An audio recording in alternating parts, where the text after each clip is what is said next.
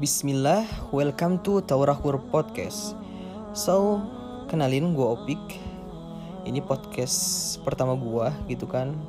So, jadi pada pembahasan pertama ini gue mau ngebahas tentang sesuatu yang mungkin banyak orang sering uh, melakukan ataupun juga mungkin sering merasakan sekitarnya.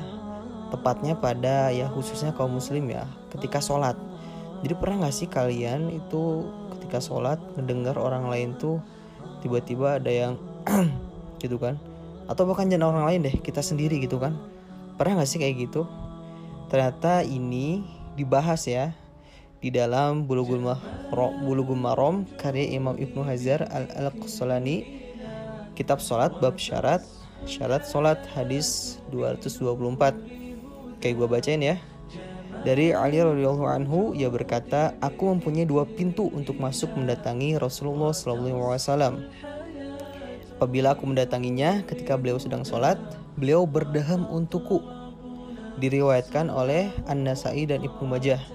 Hadis riwayat An-Nasai 3.12, Ibnu Majah nomor 3708, Ahmad 2.243. Nah, menurut Syekh Abdullah Al-Fauzan, hadis ini doif dilihat dari sisi kritikan kepada perawinya juga al-ikhtilaf pada sanad dan matanya. Hadis ini dianggap lemah oleh Al-Baihaqi, At-Tahawi, Imam An-Nawawi dan Syekh Al-Abani. Al-Hafiz Ibnu Hajar mengatakan bahwa Ibnu As-Sakan mensahihkan hadis ini.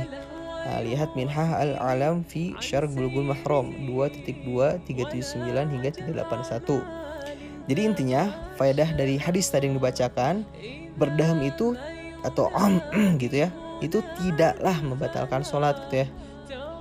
Namun untuk mengingatkan yang lainnya bahwa kita sedang berada dalam sholat nah, bisa dengan ucapan tasbih subhanallah gitu ya. Nah, jadi gitu nggak apa-apa ternyata tidak membatalkan sholat. Nah, hal ini karena hadis yang menjelaskan cara mengingatkan dengan tasbih itu lebih kuat gitu ya. Jadi lebih kuat dengan tasbih subhanallah gitu dibandingkan berdaham nah, sedangkan wanita mengingatkan yang lainnya dengan tashik atau menepuk tangan. Wallahu waliyut taufiq. Subhanakallah bihamdika asyhadu an la ilaha illa